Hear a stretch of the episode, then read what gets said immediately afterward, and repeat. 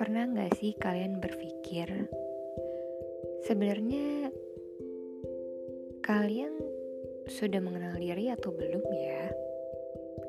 Kalau aku sih udah dan baru nemu jawabannya dari perjalanan kehidupan yang panjang yang disertai dengan jatuh bangun.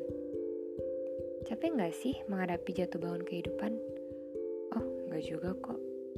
Justru beruntung karena mampu mengenal diri lebih dalam dan memaknai kehidupan saat ini. Hmm, kalian sudah belum ya mengenal diri kalian? Coba renungi bareng-bareng yuk, bareng gue di podcast Inside You. thank you